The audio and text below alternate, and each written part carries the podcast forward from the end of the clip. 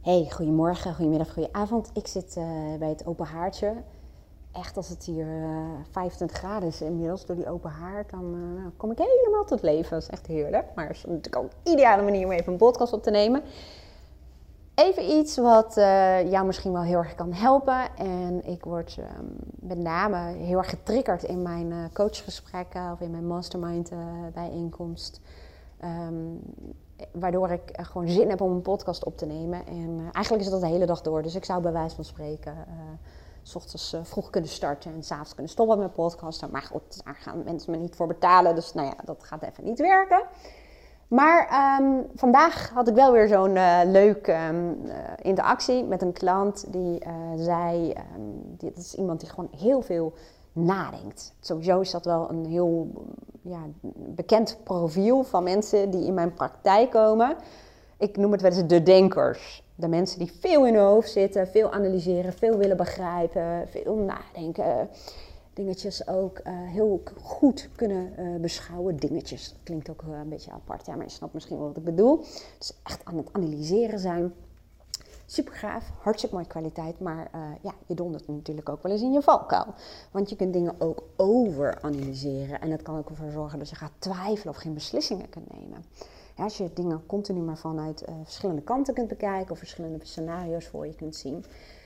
En op een gegeven moment, uh, dat was bij deze klant ook zo. En dat kun je heel erg simpel oplossen. Daar ga ik je zo meteen even iets meer over vertellen. Ik moet even nieuw hout in open haard doen. Um, je kunt namelijk een aantal stappen volgen om een doorbraak te forceren in een bepaald vraagstuk of dilemma dat je hebt. Want wat we vaak doen, is dat we in ons hoofd rondjes blijven draaien om antwoord te krijgen. Um, in dit geval was het een vraagstuk uh, zo van, uh, zal ik op vrijdag uh, gaan werken of niet? Klinkt simpel, maar iemand kan daar helemaal over door blijven knagen. De uh, eerste stap is vaak om even helderheid te krijgen in je dilemma of in je vraagstuk. Waar gaat het precies over? Wat is precies je vraag? Want vaak uh, stellen mensen zichzelf onbewust gesloten vragen. Zal ik dit doen of zal ik dat doen? Zal ik het wel doen of zal ik het niet doen? En vaak lokt dat soort vragen twijfel uit. Ja, als ik dit doe, dan dit. Maar als ik het niet doe, dan... Hup, hup, hup. En dan kom je in een soort van denkloopje terecht. En dat is meestal niet zo erg functioneel. Dat is ook zonde van je energie overigens. Dus de tweede stap is om van die gesloten vraag een open vraag te maken. Dus maak van die gesloten vraag een open vraag. Um, hoe kan ik bijvoorbeeld het werk het best organiseren? Of uh, wat zouden de voordelen zijn als ik het uh, vrijdag zou doen? Hè, of wat zijn de nadelen als ik het uh, bijvoorbeeld pas maandag doe? Nou, ik moet wat open vragen. Open vragen beginnen bijvoorbeeld met wie, welke, um, wanneer, hoe. Um, wanneer, wanneer had ik al gezegd, waardoor bijvoorbeeld. En ook met waarom. Maar alsjeblieft, waarom pleur hem in, in, in, in de groente- en tuinafvalbak of waar die ook thuis hoort. Um, want de waarom-vragen, tuurlijk, ze kunnen functioneel zijn. Maar waarom richt zich meestal op het probleemanalyse van het probleem of op een verklaring. En daar ligt over het algemeen echt niet je antwoord. Dus uh, nou, knik hem even weg. Dus stel jezelf een goede open vraag. Of stel jezelf meerdere open vragen. Super belangrijk en ik deel ook vaak allemaal soorten open vragen met de mensen die op mijn mailinglist staan. Of die op mijn uh, WhatsApp uh, motivatie app lijst staan. Alangwoord, Scrabble, misschien leuk voor kerst. Als je dat ook wil, dan kun je mij een berichtje sturen via mijn 06 om te zeggen dat je lid wil worden van de motivatie WhatsApp. Is tegenwoordig gratis. Of lid wil worden van mijn nieuwsbrief. Dan moet je even naar mijn website gaan. Um, dan deel ik dat soort dingen. Maar goed, ik ga even door open vragen stellen. Dus verschillende uh, open vragen stellen. Nou, en daar komen vaak uh, de antwoorden door. Dus stel jezelf goede, open vragen. Want je brein is echt een super, mega, supersonische computer. En um, ja, het is dodelijk zonde. Want het is net alsof dat ding in de hoek op de standby-modus staat. Hebben we het, ons brein zou je grofweg kunnen opdelen in twee onderdelen. Je um, bewuste brein en je onbewuste brein. Je onbewuste brein is een soort automatische piloot, een programma met allemaal scripts daarin die automatisch afdraaien. Dus je wordt door iets getriggerd en pop, er komt een gedachteproces op gang. Maar dat is onbewust. En um, je bewuste brein, dat is eigenlijk een soort van de programmeur. Dus daar verander je dingen mee. En daar uh, moet je ook je brein mee aan het werk zetten. Want nogmaals, het is een soort computer, maar je moet er wel data in stoppen. Je moet er wel vragen aan stellen. Het is niet voor niets dat heel veel mensen, als ze bijvoorbeeld aan het hardlopen zijn, of in bad zitten of onder de douche staan, um, dat ze in één keer een ingeving krijgen. Heel veel mensen zeggen, ja, dan heb ik het losgelaten. Eigenlijk heb je gewoon de ruimte gegeven op dat moment aan je brein om te gaan processen en om bezig te gaan met het, uh, ja, met het zoeken naar oplossingen, om het zo te zeggen. Daar is je brein voor gemaakt. Maar je moet het wel goede vragen stellen. Je moet het opdrachten geven.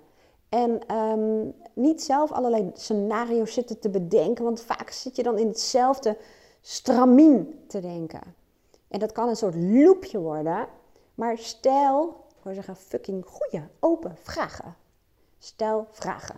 En um, probeer te spelen. Probeer die vragen zo specifiek als mogelijk te maken. Als iemand zegt, ja, hoe kan ik meer energie krijgen? Probeer even een voorstelling te maken. Je brein die hoort die zin, hoe kan ik meer energie krijgen?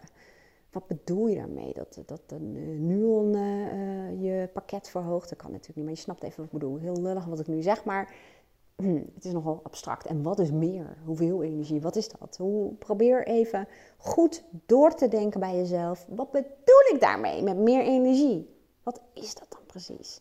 Dus probeer je vraag gewoon specifiek uh, te krijgen. En probeer ook te zoeken naar het verlangen. Uh, wat zei iemand nou? Hoe kan ik uh, beter houden aan de planning? dat kun je vragen aan je brein. Dat kan, dan komt vast wel een oplossing uit. Maar heel vaak moet je even wat dieper graven. Want er zit een verlangen, een behoefte onder het uh, verlangen om je aan die planning te houden. Dat is niet voor niets, hè? want het is een middel. Een planning is een middel. En je moet jezelf trainen, uitdagen om verder te gaan dan dat. Door, het middel te overstijgen. Want je brein is ervoor gemaakt om juist te zoeken naar bijvoorbeeld middelen, naar het hoe, naar de oplossing. En als je al gaat zitten op uh, hoe kan ik me houden aan de planning, dan maak je um, het, het, nou ja, het zoekgebied, denkgebied heel smal. Dan gaat het over die planning. Dus denk even na, als jij je zou houden aan een planning, wat levert jou dat op? En bijvoorbeeld iemand zegt rust, hè, dan heb ik veel meer rust in mijn werk en veel meer aandacht en veel meer energie en dingen komen af en ik voel me gewoon veel beter. Ik heb meer plezier in mijn werk en ik heb gewoon het gevoel dat ik de regie heb. Daar moet je naartoe gaan. Ga daar naartoe. Hoe krijg meer regie? En probeer ook te specificeren wat is regie, maar hoe kan ik meer rust in mijn werk krijgen? Of hoe kan ik ervoor zorgen Um, dat ik me minder laat verleiden om me minder is ook weer niet zo specifiek. Maar ja, en als je dan zegt hoe kan ik me minder laten verleiden, probeer dan ook te gaan naar als je je minder laat verleiden, wat doe je dan wel? Het is echt, natuurlijk, het is denkwerk hè. Dus het is, A, je moet denken over de goede vraag. Maar dan, als je dat opschrijft, mensen schrijven het op of typen het uit, laat het dan liggen. En um, geef je brein de ruimte om te processen. Want wat er dan gebeurt, je programmeert je brein en op dat moment staat het in een soort van alertmodus. En uh, zal het voor jou mensen, situaties, um, triggers in de gaten houden die kunnen bijdragen aan de oplossing van jouw probleem. Dan zul je ook vaak zien dat je bijvoorbeeld net een gesprek opvangt uh, met relevante informatie voor jou. Of dat je een artikel uh, getriggerd wordt door de titel van een artikel. Of um, dat je in je gesprekken misschien um, andere dingen zegt. Waardoor mensen bijvoorbeeld getriggerd worden van... hé, hey, oh ja, maar daar weet ik nog wel iets voor.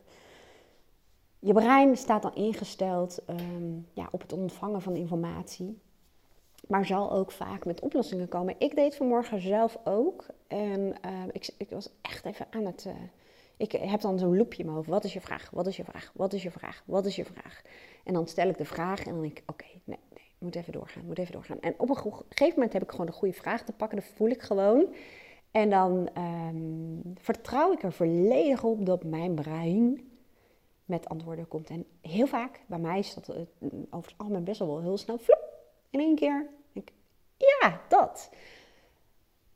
Volgende stap die je zou kunnen doen, dat vragen stellen is echt het, nou ja, ik zou bijna zeggen belangrijkste. Maar wat je ook vaak ziet, is dat je bepaalde dilemma's en vraagstukken um, beredeneert vanuit bepaalde ja, primaire kanten, noemen ze dat. Dat zijn kanten die je onbewust inzet um, bij bepaalde situaties. En um, die bieden dus ook vaak een bepaald perspectief hè, op de zaak, maar heel vaak ook eenzelfde soort perspectief. Dat klinkt een beetje gek, maar um, ja, zo werkt dat gewoon. Ik probeer even een voorbeeld uh, voor je uh, te bedenken. Mm. Um, jongen, jongen, jongen. Um, even denken hoor. Ja, nou ja, eigenlijk heel simpel. Um, uh, het kan zijn, bij, ik denk nu even aan mensen in mijn praktijk, die bijvoorbeeld een vraagstuk of een dilemma benaderen vanuit het perspectief van hun innerlijke pleaser. Een pleaser die graag de harmonie wil bewaren of die een conflict wil uh, vermijden. En dat levert uiteraard ook um, nou ja, bepaalde antwoorden op die zorgen dat dat conflict vermeden wordt. En, maar dat is over het algemeen niet per se de beste oplossing voor jou. En wat dan helpt, is om um, het vanuit een ander perspectief te gaan bekijken. En dat kun je letterlijk doen. In onze taal hebben we ook um, uh, best wel mooie, hoe zeg je dat, beeldspraak. Zoals iets van een ander, of vanuit een ander perspectief bekijken. Iets van een andere, uh, hoe zeg je dat, uh, standpunt bekijken. Um, iets van een andere kant bekijken. In onze taal hebben we het daar vaak over. En dat kun je letterlijk doen. Nou, hoe kun je dat doen? door die eerste stap om even uh, je vraag helder te krijgen, hè, of stap 1 je dilemma of je vraagstuk helder te krijgen, uh, zorg even dat je dan bijvoorbeeld op, op een bepaalde stoel doet. Klinkt even suf, maar het werkt echt. Eh, er zijn onderzoeken naar gedaan. Zit even op een bepaalde stoel, ga daar even uitwerken. Wat is je vraagstuk of je dilemma? Waar gaat het precies over? En dan vervolgens, um, nou, dan, dan weet je vanuit welke kanten je dit vraagstuk normaal gesproken benadert, maar zoek even heel bewust een andere kant op. Bijvoorbeeld, ga even op een andere stoel zitten of een andere plek staan en dan denk je, oké, nou weet je, ik heb ook een gezonde egoïst in mij, hè? In, in tegenstelling bijvoorbeeld tot een pleaser. Stel dat die even kon praten, laten we dat even aannemen. Wat zou die mij adviseren? Of hoe zou die naar deze situatie kijken? Wat zou die doen als die het voor het zeggen zou hebben? Nou, en dan ga je kijken, nou, ik heb bijvoorbeeld ook nog een zelfverzekerde kant in mij. En dan ga je even een ander plekje zoeken en dan probeer je voor te stellen, zelfverzekerde kant. Goed, als mijn zelfverzekerde kant het voor het zeggen zou hebben, hoe kijkt hij naar de situatie? Wat zou hij doen? Welk advies zou hij geven? Is gewoon even een andere blik werpen. En weet ook dat we dit in het dagelijks leven eigenlijk ook al heel vaak doen door een ander te betrekken. Wat zou jij doen als je mij was? Maar je hebt ook een eigen persoonlijkheid waarmee je eh, kunt spelen, waar je gebruik van kunt maken. Uh, bijvoorbeeld, een relaxte kant kan een heel ander licht werpen op een situatie dan bijvoorbeeld een heel serieuze verantwoordelijke kant. Dus de doelstelling eigenlijk van deze podcast was om je eh, te inspireren. Als je ergens op vastloopt, als je een dilemma, vraagstuk hebt en je blijft een beetje vastzitten in je hoofd, je blijft malen, in dezelfde gedachtenstroom zitten, dan kun je dus een aantal stappen zetten. Je hoeft ze niet allemaal op te volgen, maar probeer maar gewoon eens. En dan zul je zien dat heel vaak um, je een veel makkelijker beslissing kunt nemen. En ook heel vaak een beslissing die gewoon goed werkt en voelt voor jou. Ik hoop dat je er wat aan had. Ik um, wil je vragen, als je dit luistert via bijvoorbeeld Apple uh, Podcast. En als je hier iets aan had, of misschien luister je wel vaker naar mijn podcast, dan uh, zou ik het erg leuk vinden als je even vloep, vloep naar beneden gaat. En dan heb je van die sterretjes. En geef dan even aan hoeveel uh, sterren je deze podcast waard vindt. Of mijn podcastkanaal in het algemeen. Misschien vind je het leuk om te reageren. Misschien herken je wel. Misschien ben je ook zo'n denker die alles heel erg analyseert en wil begrijpen. Nou, misschien luister je dit op een ander podcastkanaal en dan moet ik meteen ook toegeven dat ik niet weet hoe het bij de andere podcastkanalen werkt. Ehm, misschien jij wel, zou ik leuk vinden om te horen trouwens. Hoef ik dat niet allemaal uh, zelf uit te zoeken. Uh, kijk even of je me al volgt. En misschien luister je het wel op YouTube. En uh, kijk even of je al abonnee bent van mijn YouTube kanaal. En wat kan natuurlijk heel erg goed zijn, dat er mensen zijn in je omgeving die hier ook iets aan kunnen hebben. Dat is natuurlijk heel waarschijnlijk, want je gaat ongetwijfeld veel om met mensen die, um, waar je klik mee hebt. Dus deel het binnen je netwerk. Hartstikke leuk als je dit doet om meer mensen je kan inspireren. En dan van mensen die hier ook wat aan hebben en die het ook leuk vinden. Hoe beter. En tot slot wil ik je nog bedanken voor het luisteren en een hele fijne, mooie dag wensen. En tot de volgende podcast. Doei doei.